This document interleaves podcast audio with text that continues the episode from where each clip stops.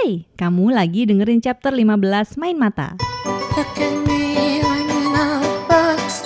Kali ini kita kembali lagi di sesi ngobrol-ngobrol dengan pelaku di industri buku. Dan tamu aku di chapter 15 ini adalah Joko Pinurbo. Seorang penyair yang aku udah suka banget dengan karya-karyanya sejak bertahun-tahun yang lalu. Mas Joko Pinurbo biasanya dikenal atau dipanggil orang dengan sebutan Jokpin. Jadi beliau ini udah mulai menulis puisi sejak masih zaman SMA, tapi karyanya baru dikenal luas pas dia nerbitin buku puisi berjudul Celana itu di umur 30 hampir menuju 40. Dan yang aku suka dari puisi-puisinya Jokpin itu penggunaan kata dan tema yang diangkat kelihatannya tuh sederhana, tapi maknanya dalam banget. Dan aku yakin banyak dari kalian juga berpikiran hal yang sama. Di obrolan ini aku nggak begitu banyak membahas soal puisi-puisi karena aku rasa udah cukup banyak ya media atau orang yang ngebahas tentang Jokpin dan puisinya. Justru aku lebih banyak bertanya ke beliau itu soal buku novela terbarunya yang judulnya Sri Menanti. Buku Sri Menanti ini baru terbit bulan April 2019 lalu dan yang menariknya buku ini adalah tulisan panjang pertamanya Jokpin. Makanya aku jadi penasaran banget. Selama ini kan yang ditulis oleh Jokpin itu selalu puisi atau kadang-kadang cerpen. Ketika bikin cerita panjang, kayak apa sih proses bikinnya? Kalau suka dengan puisi-puisinya Jokpin, aku rekomendasiin banget untuk kalian baca Sri Menanti. Soalnya walaupun novela, isinya itu tetap Jokpin banget.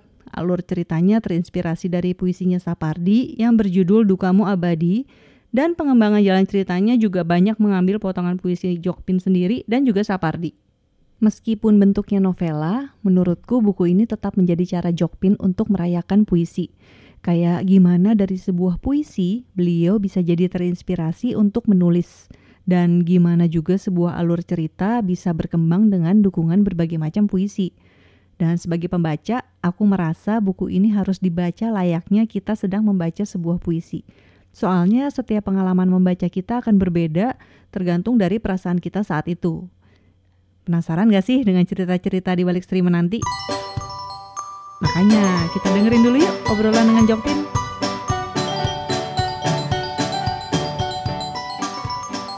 Halo, balik lagi di Main Mata. Kali ini aku bersama dengan tamu spesial karena kebetulan lagi di Jogja nih. Jadi kemarin cari-cari cari-cari kesempatan aja sih pengen ketemu sama Mas Joko Pinurbo terus kontak-kontak eh ternyata dihubungin balik.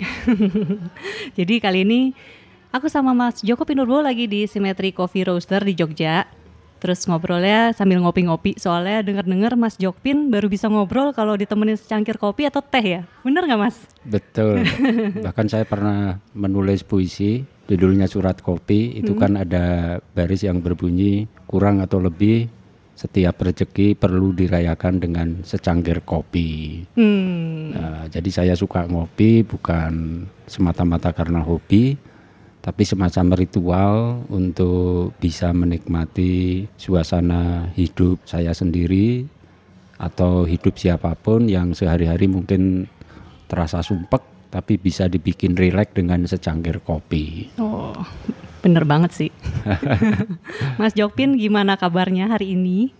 Ya saya pas sehat, baik meskipun sepanjang bulan Oktober dan November ini sibuk sekali hmm. karena berbarengan dengan bulan bahasa. Hmm. Jadi banyak undangan yang harus saya penuhi. Ini juga saya baru pulang dari Jakarta tadi malam. Hmm. Abis ada acara apa Mas di Jakarta? Ada acara bulan bahasa yang diselenggarakan oleh Badan Bahasa. Kebetulan ada festival musikalisasi puisi dan saya diminta untuk menjadi salah seorang juri. Oh, oke. Okay. Berarti baru balik banget nih ya? Ya, baru tadi malam saya sampai Jogja. Okay.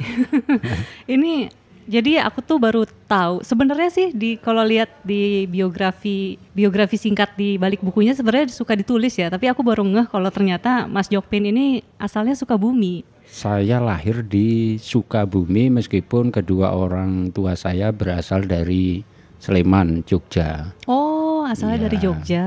Kenapa saya lahir di Sukabumi? Karena sejak muda bapak saya merantau mencari penghidupan, hmm? menjadi guru di daerah pelosok Sukabumi sana. Lalu saya lahir di Sukabumi. Saya di Sukabumi sampai lulus SD saja. Hmm. Setelah lulus SD saya menempuh pendidikan SMP di Jogja, dititipkan ke saudara ibu saya. Lalu SMA saya masuk asrama di Magelang. Setelah itu kuliah di Jogja dan Hmm. menjalani kehidupan di Jogja sampai sekarang. Meskipun orang tua saya tetap tinggal dan bekerja di Sukabumi sampai mereka pensiun. Oke, masih masih suka atau pernah balik ke Sukabumi mungkin? Setelah bapak ibu saya saya boyong ke Jogja karena kondisi kesehatan mereka, Hmm. saya sudah jarang lagi ke Sukabumi, apalagi setelah bapak saya meninggal kira-kira empat tahun yang lalu itu. Oh, oke. Ya, Oke, baiklah. Pantesan soalnya di sajak-sajaknya Mas Jokpin kan memang sangat meromantisasi Jogja ya. Jadi tadinya aku kira oh dari Sukabumi, tapi aku kirain orang Jogja. Oh ternyata memang ya kedua orang tuanya asalnya dari Jogja juga gitu. Jadi cuman kayak lahir dan besar waktu kecil ya ya, di Sukabumi. ya saya lahir dan menjalani masa kecil di Sukabumi. Kalau Jogja sendiri nih, menurut Mas Jokpin dulu sama sekarang rasanya masih sama nggak sih di tengah perkembangan kotanya yang kayaknya semakin ramai nih ya sekarang Jogja? Secara fisik sangat berbeda. Hmm? Banyak tempat-tempat yang ketika saya remaja dulu masih sunyi, masih kosong, sekarang sudah rimbun dengan berbagai bangunan. Kemacetan juga mulai melanda jalan-jalan di Jogja Hmm. yang beberapa tahun lalu belum saya rasakan. Jadi secara fisik saya kira setiap kota di Indonesia memang akan mengikuti perubahan zaman. Tetapi meskipun begitu saya merasa tetap ada yang tetap ada yang tidak berubah dari Jogja. Terlepas dari perkembangan kotanya yang mungkin semakin penat dan semakin gerah itu. Hmm, tetap alon waton happy. Nah itu tetap tetap. Jadi semangat alon-alon waton happy, menikmati waktu, merayakan hidup dengan secangkir kopi atau secangkir teh, itu akan tetap menjadi sesuatu yang dirindukan tentang Jogja. Saya kira itu. Hmm, oke. Nah, eh, tadi kan Mas Jokpin bilang pindah ke waktu SMA ya ke Magelang ya. Iya. Itu kan di seminari ya. Betul. Ah, ah. Di Terus asrama. Lulus kuliah tuh sempat kuliah di IKIP kalau nggak Di salah IKIP, Sanata di IKIP. Dharma. Betul, di IKIP. Iya. Dan sempat jadi dosen pula di situ kan setelah Sempat, itu ya. sempat beberapa tahun mengajar. Heeh. Tapi apakah Mas Jokpin memang dari dulu udah bercita-cita jadi penyair atau gimana? Terus mungkin mulai coba-coba menulis puisi itu memang sejak kapan? Nah itu sejak saya tinggal di asrama di Magelang itu. Hmm? Jadi kalau saya membaca sebuah novel atau novela tepatnya judulnya Rumah Kertas Hmm. karya pengarang Amerika Latin yang diterbitkan Margin Kiri. Di situ ada kalimat yang berbunyi bahwa buku bisa bisa menentukan atau mengubah takdir hidup seseorang. Hmm. Dan saya mengalami itu. Jadi ketika di asrama di SMA, saya banyak membaca buku. Kebetulan perpustakaan sekolah saya ini sangat mengagumkan koleksinya. Hmm. Saya membaca banyak buku sastra, antara lain buku puisinya Sapardi Djoko Damono. Buku itu salah satu buku puisi pertama yang Iya, salah satu buku puisinya Sapardi itu judulnya Dukamu Abadi. Hmm. Itu buku yang betul-betul mungkin mengubah cita-cita atau pilihan hidup saya. Karena saya membaca puisi dalam buku itu, saya lalu punya punya niat, punya semangat dalam hati bahwa suatu saat saya pengen jadi seorang penulis seperti Sapardi. Hmm, apa yang dirasakan waktu itu pas pertama kali membaca puisinya? Saya sangat tercengang dengan permainan kata dalam puisi yang berjudul Prolog itu puisi pertama dalam buku Dukamu Abadi Hmm? ada baris yang berbunyi masih terdengar sampai di sini dukamu abadi munya itu pakai M besar Hmm. Nah, baris puisi ini menggema terus dalam kepala saya dan menimbulkan berbagai pertanyaan. Misalnya mu di situ kan mungkin menunjuk pada Tuhan. Ya karena M-nya besar. Karena ya. M-nya besar. Mengapa Tuhan berduka? Dan mengapa duka kok terdengar? Duka itu kan biasanya terasakan. Iya. Tapi di sini duka dikatakan masih terdengar.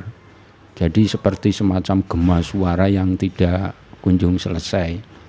Nah, dua baris puisi ini saja sudah cukup menggugah rasa takjub saya terhadap permainan bahasa dalam puisi sehingga muncul keinginan wah asik juga ini kalau kita bermain kata saya juga pengen seperti itu hmm. nah kira-kira awalnya begitu saya jatuh cinta pada sastra khususnya puisi oke okay. ya. Tapi dari sebelum SMA ini apakah Mas Jokpin memang sudah membaca juga sering membaca, banyak membaca atau pernah membaca puisi juga tapi mungkin belum seterkesan itu atau gimana? Ya, saya ketika di SMP juga membaca beberapa karya sastra meskipun terbatas ya karena koleksi perpustakaannya memang terbatas juga. Hmm.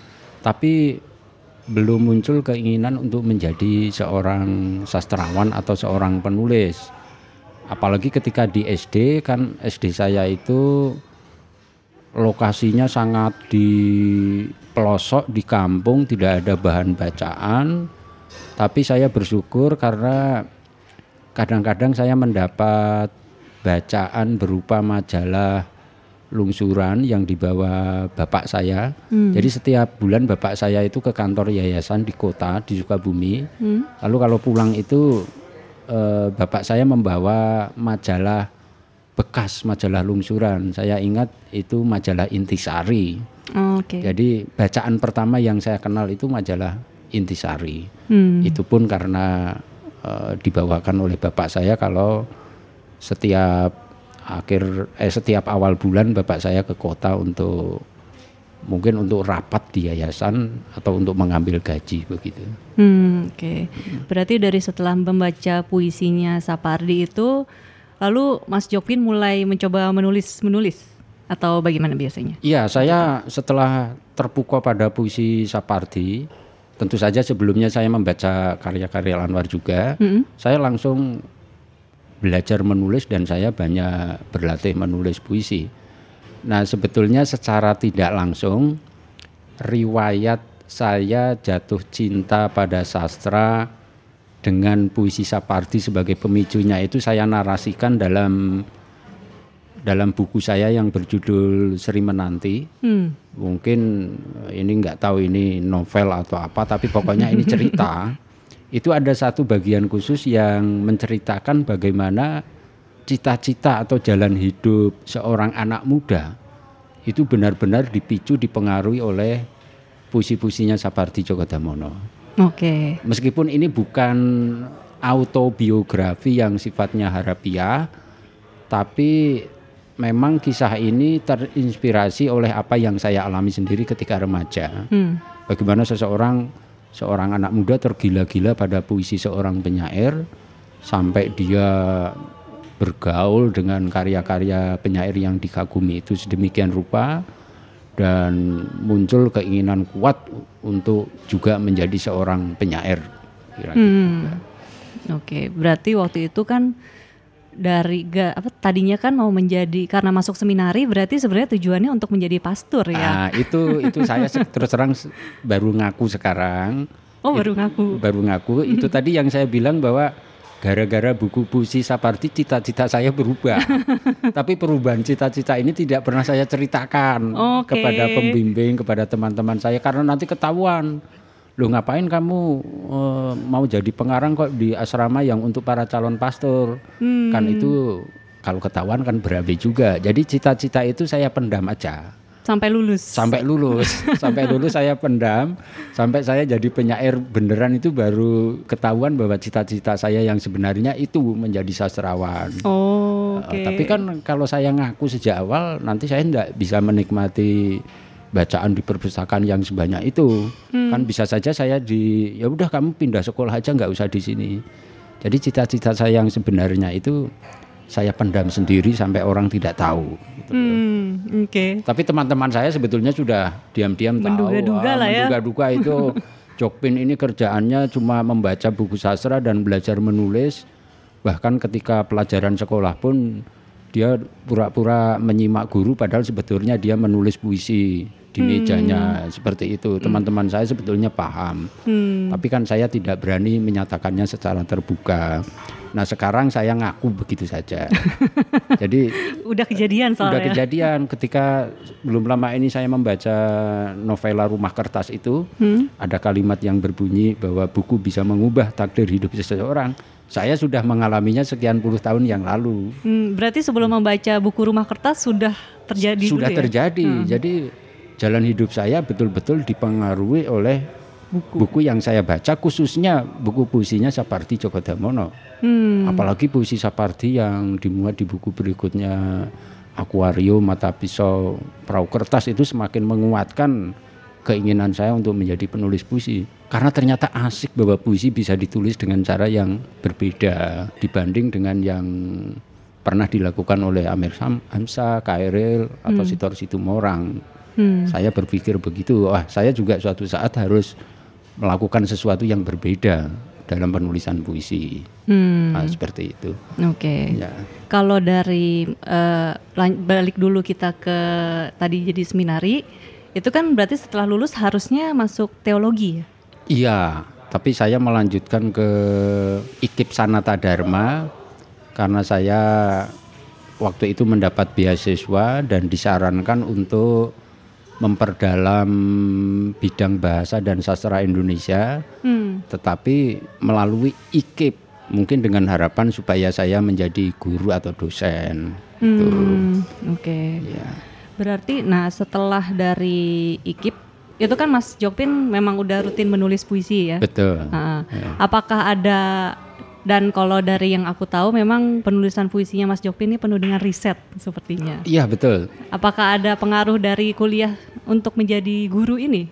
Sebetulnya kalau riset itu muncul karena waktu itu saya merasa stagnan. Jadi setelah 15 tahun atau bahkan mungkin 20 tahun menulis puisi, saya banyak menghasilkan puisi kok saya merasa stagnan, puisi saya begitu-begitu saja.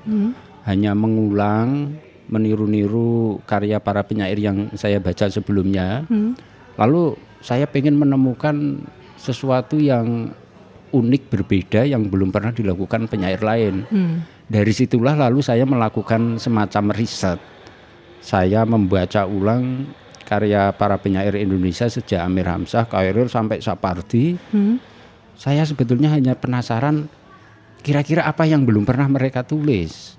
Kan mereka sudah banyak menulis tentang senja, tentang hujan, tentang laut, tentang langit dan lain-lain. Ya. Lalu saya saya riset, kok tidak ada yang menulis tentang benda-benda domestik.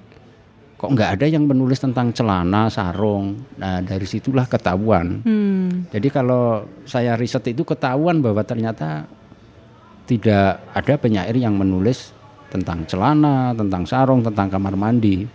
Akhirnya saya mengatasi stagnasi yang saya alami dengan cara itu. Meskipun sebetulnya itu terlambat. Karena buku puisi pertama saya yang berjudul Celana itu kan terbit tahun 1999 ketika usia saya sudah 37 tahun. Ya.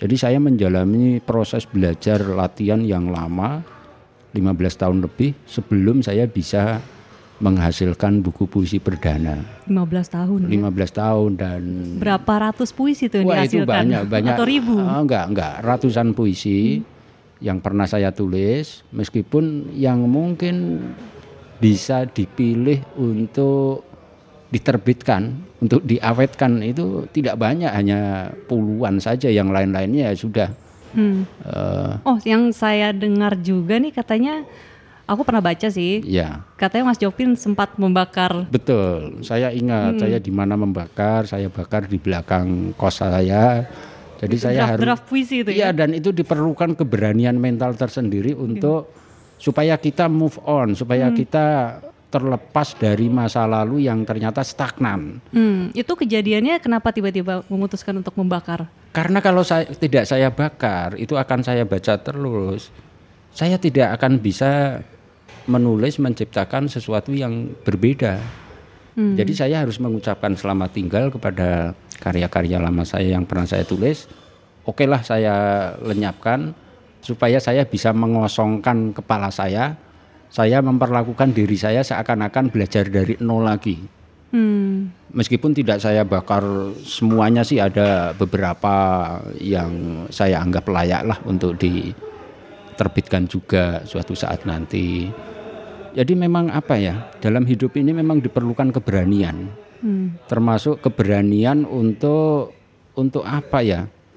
Ya untuk membuang yang sudah dengan susah payah kita jalani kita lakukan. Ini dalam proses riset itu berarti. Iya, setelah saya setelah saya melakukan riset dan menemukan, oh, saya menemukan barang-barang baru nih yang belum pernah ditulis orang, Hmm. dan saya yakin saya bisa menuliskannya. Lalu setelah itu saya musnahkan dulu barang-barang lama yang pernah saya tulis, karena kalau enggak itu akan mengganggu, Iya, iya, iya. akan akan mengikat saya, itu membuat saya tidak bisa leluasa bergerak lagi.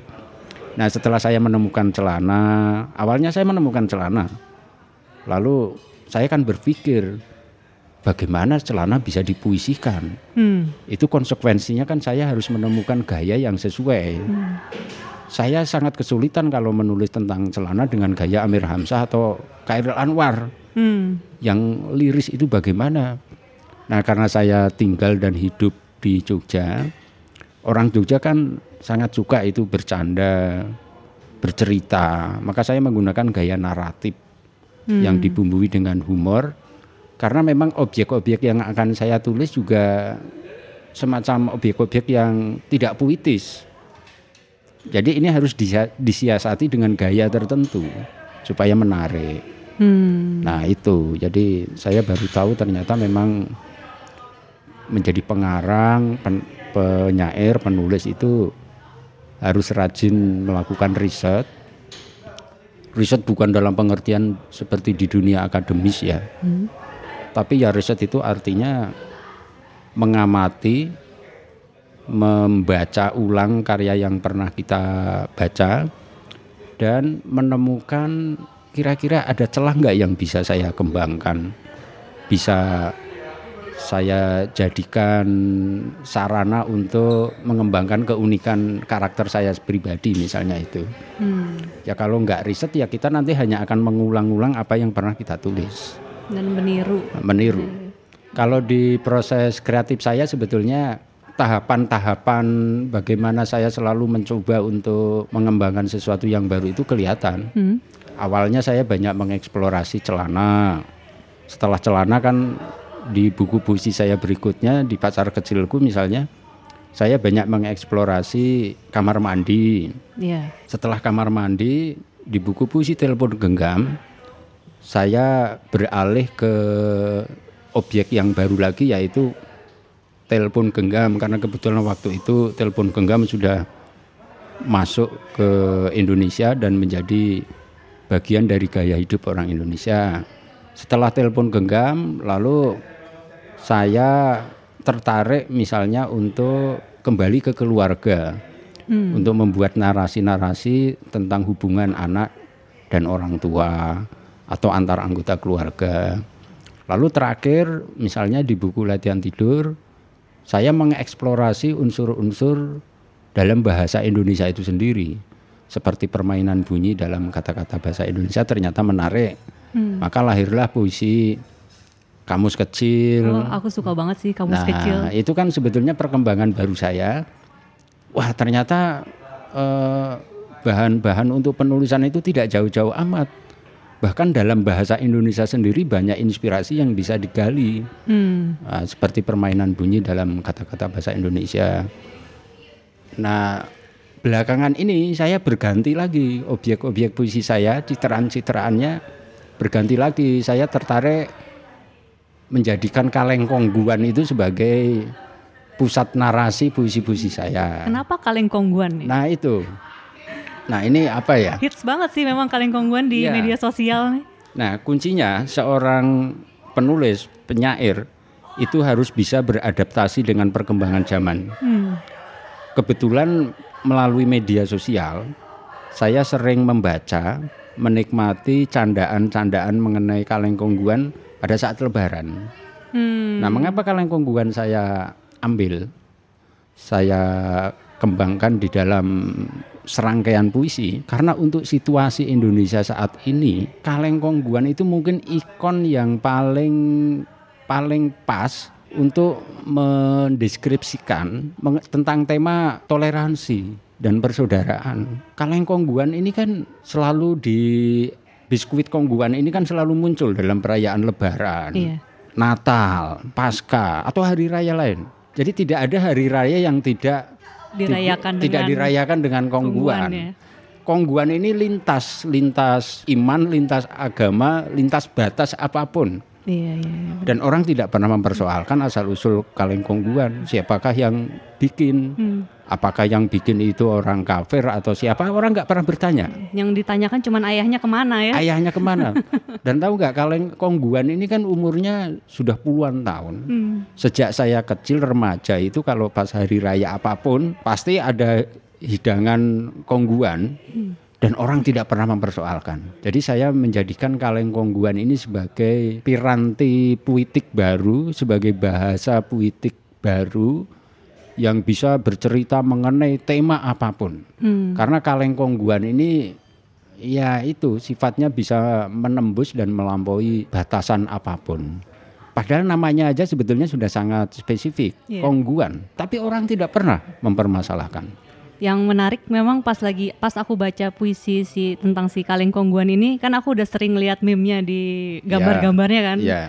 Nah pas lagi baca puisinya tuh kayak aku jadi membayangkan gambarnya terus ada puisinya yeah. versi ada yang misalnya selebrasi dengan berbagai pemuka agama terus ya. dipuisikan yeah. seperti apa itu itu menarik banget sih. Betul. Hmm. Nah dalam puisi-puisi saya, saya yang baru tentang kaleng kongguan itu saya menciptakan berbagai versi mengenai sosok sosok yang tidak muncul dalam kaleng kongguan itu sosok ayah hmm. itu sebenarnya sosok siapa itu saya saya ciptakan itu deskripsi tokoh-tokohnya dan berbeda-beda satu sama lain hmm. macam itu jadi memang itu wah asiklah kaleng kongguan ini jadi perasaan saya waktu menemukan kongguan untuk saya tulis jadi puisi itu sama dengan perasaan saya ketika saya menemukan celana Hmm. Jadi rasanya itu seperti wah ini uh, semacam mendapat pencerahan yang tak terduga begitu. Iya, iya. Ya, dari itu. dari sebuah kaleng kongguan bisa jadi banyak banget puisi Betul. yang dihasilkan ya. Dengan itu berbagai tema. Banget. Dan itu peran media sosial. Saya harus berterima kasih kepada teknologi internet yang telah menciptakan media sosial karena lewat media sosial lah saya mengenal bagaimana orang bisa menciptakan berbagai humor tentang kongguan. Hmm. Nah kalau tidak ada media sosial saya nggak akan mendapatkan inspirasi itu. Hmm. Iya. Iya benar-benar. Oke, nah ini soal teknik menulis puisi nih. Jadi kan waktu itu aku pernah datang ke yang A Rare Conversation waktu Asian Literary Festival tahun mungkin 2016 atau 2016, 2016, 2016 ya yang sama ya. Pasapardi juga sama ya. Nashwa. Ya. Nah, kalau di situ aku dengar katanya Pasapardi itu puisi yang dituliskan dalam waktu singkat tanpa banyak revisi adalah tulisan yang berhasil. Ya. Kalau versinya Mas Jokpin gimana? Saya mengalami berbagai versi sih. Ada puisi yang saya tulis dalam waktu singkat hasilnya sangat bagus Hmm. Contohnya ya, saya membuat 20-an puisi kongguan itu hanya dalam waktu kira-kira satu bulan. Hmm. Masing-masing cepat dan saya merasa puas dengan hasilnya. Hmm. Tapi ada juga puisi yang saya tulis lama setelah jadi saya kecewa dengan hasilnya. Tapi ada juga puisi saya yang bikinnya lama tapi hasilnya juga memuaskan. Contohnya kamus kecil. Hmm. Kamus kecil itu lama itu saya membuatnya. Karena kan saya harus meneliti dulu kata-kata dalam bahasa Indonesia yang mengandung permainan bunyi yang dibolak-balik lalu dirangkaikan itu bisa menciptakan semacam aforisma atau filosofi makna. Hmm. Ada yang lama, ada yang cepat juga. Jadi tidak tentu, tidak pasti sih. Nah puisi saya yang lain misalnya yang judulnya doa malam Tuhan yang merdu terimalah kicau burung dalam kepalaku itu cepat sekali. Mungkin hmm. lima menit jadi itu. Hmm karena ketika saya bangun pagi mendengarkan kicau burung, wah lalu spontan saya menulis. Tapi banyak juga puisi yang saya tulis dengan cepat dan memang hasilnya jelek banyak juga. Kapan Jadi, taunya Mas Jokpin ketika uh, oke okay, ini puisinya sudah cukup puas dengan puisinya? Ya, nah seorang penyair pasti dia punya feeling. Hmm. Setelah karyanya itu jadi dia merasa enak nggak, merasa serak nggak dengan karyanya. Hmm. Kalau saya biasanya setelah karya saya jadi saya sudah punya feeling. Wah, puisi ini tidak maksimal deh. Wah, puisi ini menurut saya bagus. Sebetulnya setiap penyair punya punya alat untuk mendeteksi itu. Hmm. Makanya memang yang paling sulit di dalam penerbitan puisi itu menyeleksi karya-karya mana yang oleh si penyairnya sendiri dianggap ini benar-benar sudah jadi. Nah itu proses menyunting dan menyeleksi puisi itu jauh lebih berat dibanding ketika pertama kali menuliskan draftnya itu. Hmm. Saya kira itu ya. Jadi kalau yang saya alami sih tidak ada rumus yang pasti bahwa puisi yang ditulis spontan dalam waktu singkat pasti bagus atau puisi yang ditulis dengan waktu yang lama pasti bagus nggak ada. Hmm. Jadi kita tidak pernah akan tahu nasib karya yang akan kita tulis itu. Terima kasih udah dengerin obrolan bagian satu. Sebelum ditutup, aku mau kasih tahu aja kalau main mata lagi galang dana nih untuk musim ketiga tahun depan. Galang dananya itu lewat penjualan merchandise kaos. Perdana banget nih main mata bikin merchandise. Gambar kaosnya itu kucing dan buku. Nah, nanti hasil penjualan kaos ini akan kami gunakan untuk biaya operasional podcast Main Mata. Operasionalnya apa aja? Lumayan banyak sih sebenarnya, tapi yang penting bisa nutup-nutup lah. Misalnya untuk editing konten dan optimalisasi alat, supaya hasil audionya lebih baik lagi.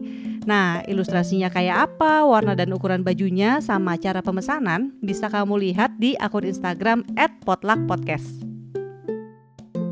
Selain itu, akhir tahun ini, tepatnya di tanggal 14 Desember, Main Mata juga bakalan bikin acara offline pertama yang formatnya book swap alias tukeran buku. Catat ya, 14 Desember 2019 di Deko Rumah Experience Center lantai 2. Itu lokasinya di dekat Radio Dalam, Jakarta Selatan. Siapa aja boleh datang, pokoknya bawa aja buku yang pengen kamu tuker pas acara. Syaratnya, buku yang kamu bawa harus buku yang kamu suka tapi udah direlain untuk dikasih ke orang lain. Sebelum acara, kamu bakalan bisa lihat sebagian daftar buku yang nanti tersedia untuk ditukar. Ada banyak banget buku dari penulis, pembaca, ilustrator, editor, dan lainnya. Apa aja bukunya dan siapa pemilik sebelumnya? Nanti kamu cek sendiri juga di Instagram Potluck di @potluckpodcast. Oke, itu aja. Sekarang lanjut dengerin obrolan kedua dengan Mas Jokpin di track berikutnya yuk ada obrolan soal novela pertamanya yang berjudul Sri Menanti dan gak cuman itu, Mas Jokpin juga bakal bacain penggalan prosa dari buku ini. Bagus deh pokoknya. Yuk yuk.